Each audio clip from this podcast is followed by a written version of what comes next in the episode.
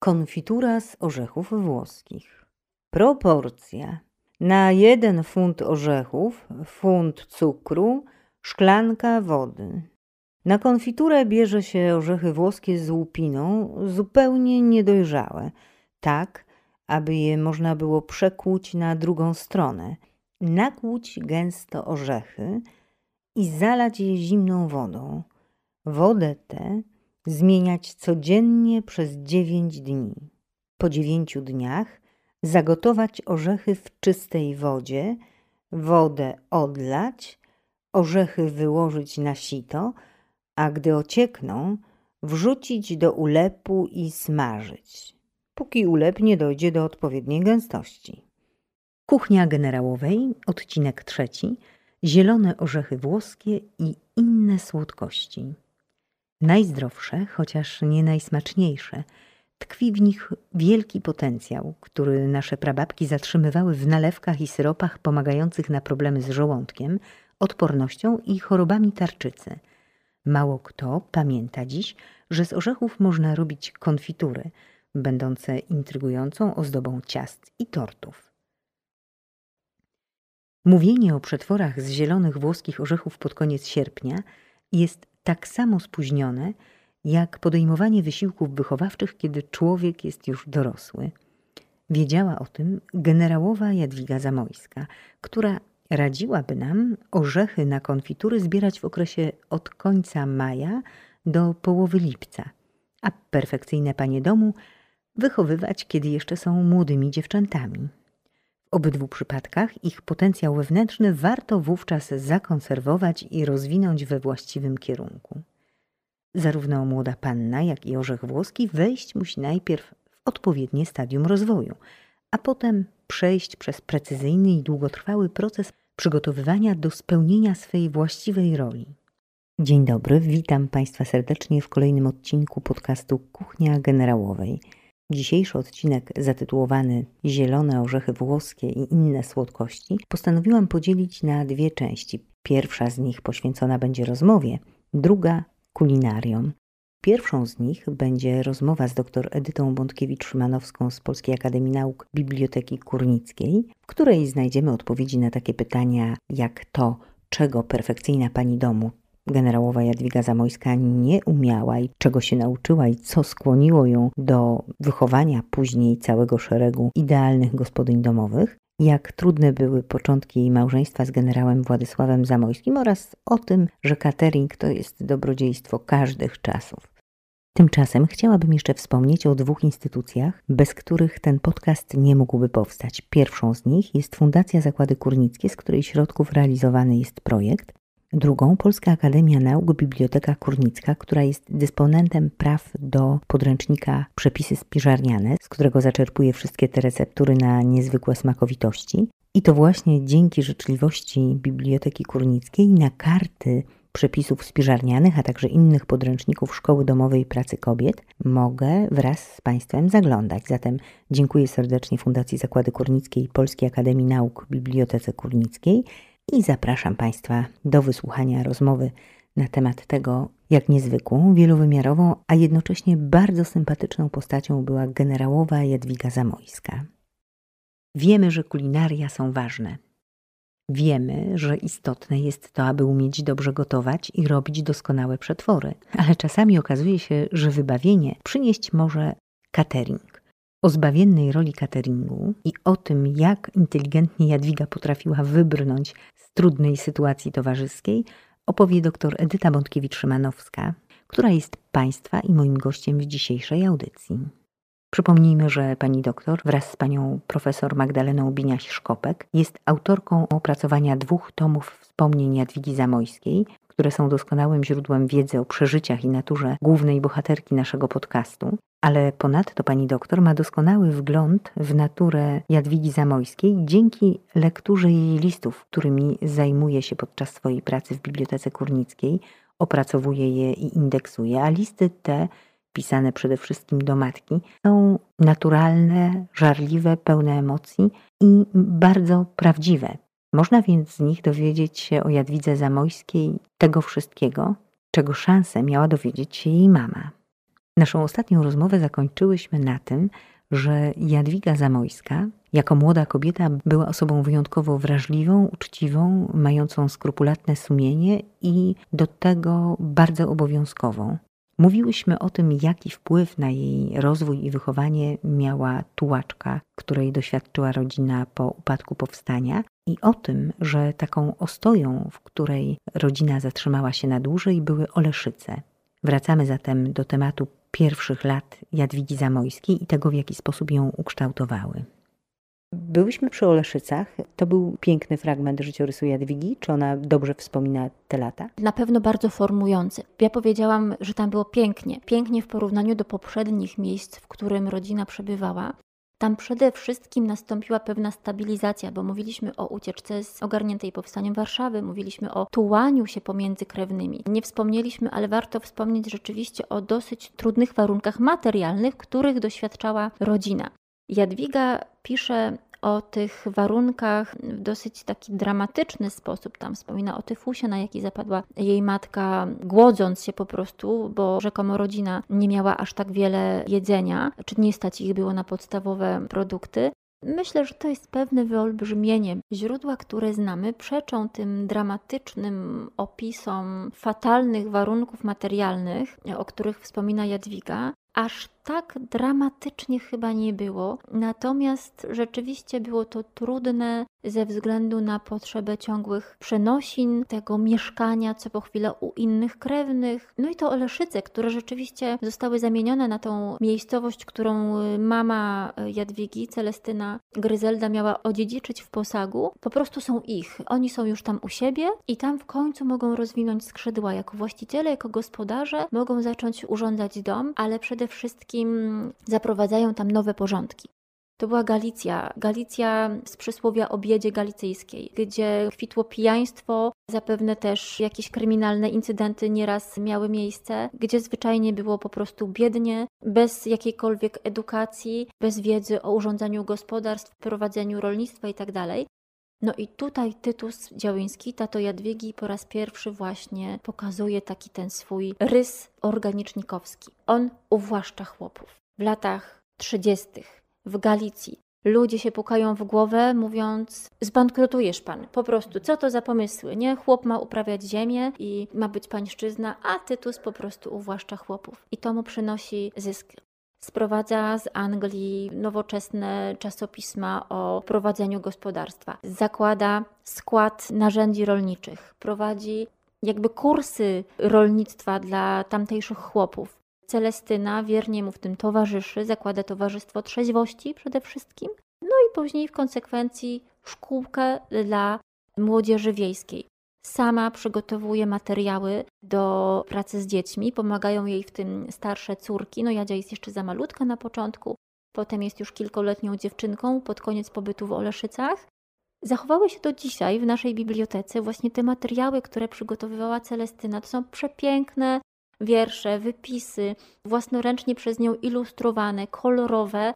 Co więcej, w pewnym momencie pojawia się tam guwernantka Jadwigi, panna Anna Birt to jest protestantka, Angielka. Wcześniejsze guwernantki, które miały uczyć Jadwigę oraz jej siostry, no nie spisały się najlepiej. Jadwiga dosyć sporo o tym pisze w swoich wspomnieniach. To były rzeczywiście trudne przeżycia dla małego dziecka, ale to zachęcamy już do lektury. Natomiast panna Birt jest kobietą, która wprowadza pewien porządek w myślenie Jadwigi, w jej postępowaniu i chyba też troszeczkę ona narzuciła jej taką tą pracę nad sobą, bo o tym właśnie też dużo Jadwiga pisze. Ona nauczyła jej, jej tej pracy nad własnym charakterem, nad własnym lenistwem, o którym dużo pisze Jadwiga. Cały czas sobie zarzuca, że jest leniwa i że całe życie musiała nad tym pracować. I właśnie tam, pisząc o tych czasach, Jadwiga przywołuje takie jedno wspomnienie. Także o tym, jaki wpływ wywarła na nią jej guwernantka oraz jej rodzice te trzy osoby, mama, tato oraz guwernantka, z jednej strony gorliwi katolicy, proszę zwrócić uwagę, i tutaj angielska protestantka. I ta trójka osób, i Jadwiga pisze o tym z wielkim podziwem i szacunkiem, potrafiła tak zorganizować tam życie, pracę, opiekę nad dziećmi i edukację, że to po prostu wszystko świetnie działało. Jadwiga pisze o takim wspomnieniu, o rozmowie między jej rodzicami, która miała wtedy miejsce. Mianowicie właśnie chodziło o tą oszczędność. Mama była zwolenniczką właśnie tego, żeby, no jeśli na coś ciebie nie stać, to trzeba nauczyć się bez tego żyć. A tato mówi: Nie, jeżeli cię na coś nie stać, to musisz się nauczyć, jak się o to wystarać, jak na to zapracować i jak na to zarobić. I to jest właśnie taki ten wielkopolski, organicznikowski rys, który mi się szalenie podoba. I to widać potem u Jadwigi, potem w historii jej małżeństwa, w jej brakach, które miała, powiedzmy, kiedy wychodziła za mąż, nie umiała prowadzić domu, bo przecież miała pozostać osobą żyjącą samotnie, nie umiała bardzo wielu rzeczy, które właśnie wiązały się z prowadzeniem domu czy z wychowaniem dzieci. I właśnie to potem owocuje w przyszłości. Efektem tego jest właśnie potem dzieło jej życia, czyli Szkoła Domowej Pracy Kobiet. W takim dużym skrócie, później myślę, rozwiniemy jeszcze ten wątek, ale warto o tym pamiętać. Tak, właśnie to jest bardzo istotne, żeby w którymś momencie dość szeroko powiedzieć o Szkole Domowej Pracy Kobiet, która tak naprawdę jest przyczynkiem do tego, aby mówić o kuchni generałowej, bo tak naprawdę ten podcast nosi tytuł Kuchnia Generałowej i generałową chcemy oglądać właśnie od kuchni, czyli nie tylko od y, tej strony kulinarnej, ale także od strony jej wnętrza, jej doświadczeń, przeżyć i tego, y, jaka osobowość ukrywa się poza tym stereotypem, do którego przywykliśmy. Więc pojawił się już tutaj wątek związany z osobami, które w największym stopniu ukształtowały osobowość Jadwigi Zamojskiej, późniejszej Zamojskiej, bo wtedy była to jeszcze Jadzia Działyńska, ale myślę, że istotnym wątkiem kształtującym jej osobowość już dużo później była relacja małżeńska, w którą weszła i właśnie weszła w relację małżeńską. Już samo to jest czymś, co było nieco gwałtem na naturze dziewczyny, która, tak jak pani wspominała, planowała spędzić życie samotnie i poświęcić je pracy intelektualnej. Tak, Jadwiga pisze wprost w swoich wspomnieniach. Nikt nigdy nie mówił przy niej o tym, że ona miałaby wyjść za mąż. Pisze, że planowano, odkąd tylko dorosły jej siostry starsze. Przypomnijmy, że była to najstarsza, urodzona w 26 roku Elżbieta, późniejsza Czartoryska i Maria, późniejsza Grudzińska. Mówiono zawsze o tym, że jej siostry wyjdą za mąż, że trzeba poszukać odpowiednich kandydatów, Natomiast o zamęściu Jadwigi rodzice nie mówili nic. Najprawdopodobniej planowano, że po prostu spędzi życie samotnie. Gdzieś, tak pisze Jadzia, że tato gdzieś jej uszykuje jakieś, nie wiem, miejsce, dom, dwór, w którym będzie ona żyć w samotności i będzie oddawać się nie wiem, pracy intelektualnej. Zresztą tak też wspomina, że kiedy rodzice pytali się swoich dzieci, jak chcą w przyszłości żyć, kim chcą zostać, to Jadwiga opowiada, że ona zawsze mówiła o tym, że chciałaby zająć się pracą umysłową. We wspomnieniach Jadwigi przejawia się zawsze taka chęć pracy umysłowej. Zawsze mówiła, że kiedy rodzice pytali się jej jako dziecko, kim chce być w przyszłości, to ona odpowiadała, że chce nauczać innych, że to jest jej cel. Nie wiemy, czy to jest późniejsza pewna taka już interpretacja i y, jakby podkoloryzowanie siebie samej jako dziewczynki, bo przypomnijmy, Jadwiga spisuje swoje wspomnienia już jako osoba w podeszłym wieku, osoba, która już jest założycielką Szkoły Domowej Pracy Kobiet. Natomiast możemy przypuszczać, że faktycznie tak było i że na pewno Jadwiga nie marzyła o małżeństwie. To też wiadomość o konkurach generała Władysława Zamojskiego, właściwie nie konkurach, bo to był list, który przyszedł pewnego dnia do jej mamy. Mama przyszła do niej. W dużym takim skrócie ta rozmowa mniej więcej wyglądała tak: Jadziu, kochana, pyta się mama, czy ty kochasz wujka Władzia? Jadzia mówi tak, oczywiście, no bo jakże tutaj nie kochać takiego wuja, bohatera, powstańca, działacza wtedy już hotelu Lambert, największego stronnictwa patriotycznego, emigracyjnego poza ziemiami Polski, człowieka, który ma na swoim koncie no, wiele dokonań takich no, patriotycznych, człowieka, który swoje życie poświęcił służbie ojczyźnie. I mama mówi tak, no to Jadziu kochana, pójdziesz za niego za mąż. No i tu zaczyna się dramat młodej dziewczyny, no bo co? Ona przecież miała nie wychodzić za mąż. Dla niej małżeństwo było no, pogrzebaniem wszelkich jej planów i wszelkich nadziei. Pisała, że mogłaby być jego służącą, kucharką, byle nie żoną. Wszystko mogłoby się wydarzyć, byle nie wyszła za mąż, że wolałaby umrzeć, Tu zaznacza, że wie, że grzeszy, bo nie można życzyć sobie śmierci, bo to jest przecież wbrew zasadom Pisma Świętego. No ale jednak to małżeństwo całkowicie jej nie pociągało i to jeszcze właśnie z tym wujem, którego przecież podziwiała, owszem, i kochała, ale jak bohatera, a nie jak kobieta kocha mężczyznę. Można się zastanawiać, czy mamusia pomyliła zainteresowanie swojej córki i uwielbienie dla wuja z uczuciem, jakie rodzi się między kobietą i mężczyzną, czy po prostu chciała wykorzystać okazję i wydać właściwie córkę za mąż, a przy okazji znaleźć odpowiednią żonę dla swojego brata. Bo takie też są sugestie. Nie wiemy tego jeszcze na pewno. Być może kryje się to gdzieś w bardzo prywatnych listach, Faktem jest, że Jadwiga tego małżeństwa nie chciała. Przywykło się patrzeć na to małżeństwo jak na dramat młodej dziewczyny w takim bardzo stereotypowym ujęciu. No ale powiedzmy może o tym, że pomijając już tę kartę bohatera i dokonania polityczne Władysława Zamojskiego, to był bardzo atrakcyjny mężczyzna, także intelektualnie i chyba mógł się podobać. Z pewnością.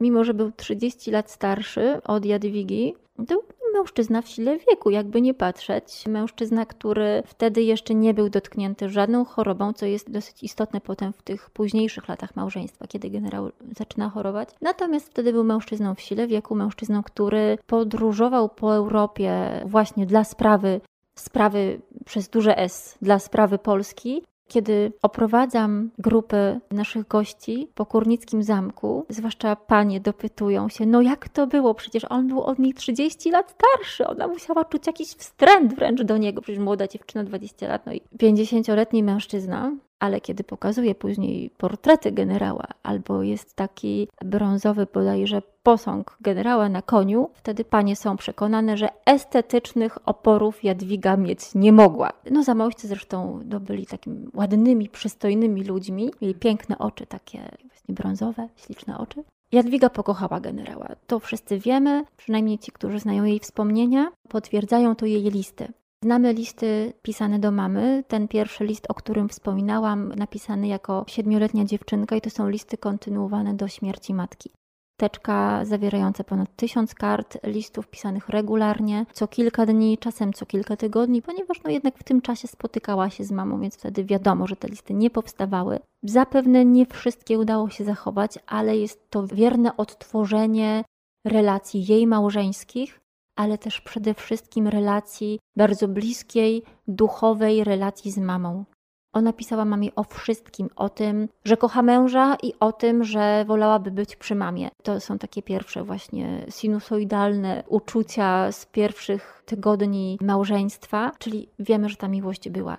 Wiemy z tych listów, że Jadwiga nie miała w zwyczaju pisać mamie: Tak, mamusiu, wszystko jest dobrze, Jestem szczęśliwa, cieszę się, że wyszłam za mąż za wuja. Jeśli było jej niedobrze i źle, jeśli tęskniła i jeśli coś jej nie pasowało, to ona po prostu mamie o tym pisała. Oczywiście w następnym liście zaraz przepraszała, że tak mamy zmartwiła, ale są to listy bardzo szczere, listy pisane często w pośpiechu, bez powiedzmy pewnej takiej refleksji. No bo akurat odchodzi poczta, trzeba było napisać list, więc trudno w takim czasie, żeby rzeczywiście układać list zgodny z normami epistemologicznymi, prawda? Co więcej, taką mam refleksję. Jestem zafascynowana w ogóle tymi listami. Podzielę się też jeszcze moją kolejną fascynacją, mianowicie powieściami Jane Austen. I czytając te listy, zwłaszcza tam jest duży fragment poświęcony podróży generała Zamojskiego i Jadwigi do Anglii. Tam generał organizował różne meetingi, spotkania w sprawie polskiej. Przecież współpracował ze słynnym lordem Dudleyem Stewartem, wielkim admirałem sprawy polskiej. I właśnie czytając te listy, czasem ma się wrażenie, że czyta się taką powieść, jakby wyjętą rodem właśnie z tej pierwszej połowy XIX wieku, jakby się czytało po prostu Jane Austen. Wprawdzie rozmawia się w tych listach nie tylko o pogodzie i o stanie dróg, ale sytuacje takie społeczne, towarzyskie naprawdę mogłyby być świetnym tłem i mogłyby zostać umieszczone w jednej właśnie takiej ciekawej powieści. Problem jest tylko taki, że jeśli pierwszy raz czyta się Jane Austen, nie wiemy, jak ta książka się zakończy. Natomiast czytając listy Jadwigi, mam taki ciągły spoiler. No bo na przykład czytając o tym, że Jadzia pisze zmartwiona o tym, że Maria Amparo, żona Władysława Czartoryskiego, spokrewniona z hiszpańskim dworem monarszym, jest chora na suchoty, ale już jest jej lepiej i że prawdopodobnie z tego wyjdzie, a jest rok 64, to ja wiem, że ta Maria Amparo w grudniu umrze. Tak samo jak wiem, że za chwilę umrze, czytając listy z 61 roku, umrze jej tato, czy umrze książę Czartoryski. Niemniej akurat jest to wzruszające tak samo. Pomyślałam sobie jeszcze o jednej rzeczy. Ciekawy jest taki rys charakteru Jadwigi Zamojskiej, która z jednej strony chyba nie uwielbia zanadto towarzyskich sytuacji społecznych. Nie jest osobą, która bardzo lubi tę całą otoczkę związaną z arystokratycznym życiem, a jednak poddaje się jej właśnie w takich sytuacjach, które wymagają tego od niej właśnie ze względu czy na sprawę polską, czy na dobro męża, na konieczność takiego trzymania odpowiedniego fasonu, jeśli można tak powiedzieć. To znaczy na przykład zakładanie biżuterii wtedy, kiedy wypada, chociaż za bardzo nie lubi nosić biżuterii. To wynika z jej charakteru. Wróćmy właśnie do początku tego małżeństwa. Właściwie do czasu jeszcze, kiedy Jadwiga podejmowała decyzję, że da wujowi odpowiedź pozytywną do tych jej wahań, wyjść za wuja, ale żyć w kłamstwie, bo przecież jeśli zgodzi się i wyjdzie za wuja, on będzie myślał, że ona go kocha, a ona go nie kocha. Drugi dylemat, jeśli odrzuci jego, jego propozycję, to zrani człowieka, którego podziwia, człowieka, który na to nie zasługuje. Jadwiga wychodzi za mąż, więc w swoim mniemaniu grzeszy, bo kłamie, generała że nie jest uczciwa w swoich uczuciach. I ona sobie wtedy narzuca, narzuca sobie właśnie taką karę, mianowicie rezygnuje z wszelkich uciech, z rzeczy, które przynosiły jej przyjemność. Jazda konna, chodzenie do teatru, które uwielbiała. Jeszcze też rzeczywiście pada tam taka kwestia o nieuśmiechaniu się, o braku czerpania radości z życia. Na szczęście to zmienia się, kiedy na świecie pojawia się dziecko.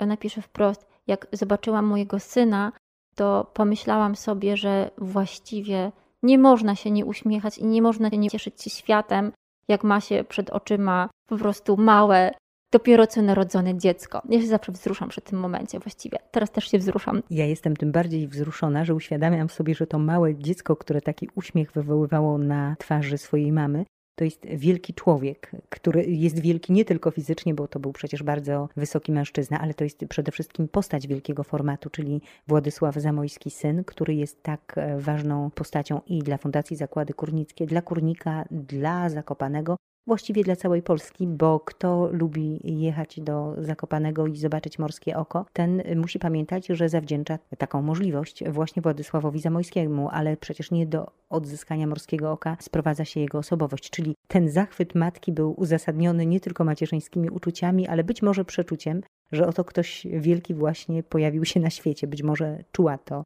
że to jest największe dzieło jej życia, chociaż chciałabym powiedzieć, że największym dziełem jej życia była Szkoła Domowej Pracy Kobiet, ale gdzieś w głębi właśnie czuję to, że to Władysław był tym największym dziełem jej życia.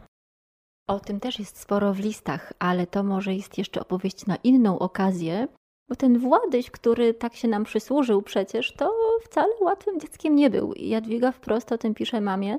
Natomiast jeszcze a propos właśnie tego małżeństwa, ona po prostu spełnia obowiązek żony. Skoro już powiedziało się A, to trzeba powiedzieć i B. Tak pisze Jadwiga, i ona stara się być wtedy najlepszą żoną, jaką można być. Ja wiem, że feministki zapewne oburzają się w tej chwili. To jest przecież takie łamanie charakteru i wartości, ale pamiętajmy, my mówimy o połowie XIX wieku, o czymś, co dzisiaj nie jest takie oczywiste. Właśnie obowiązek i pewna powinność, pewne role. To było bardzo ważne wtedy, pewna konwencja.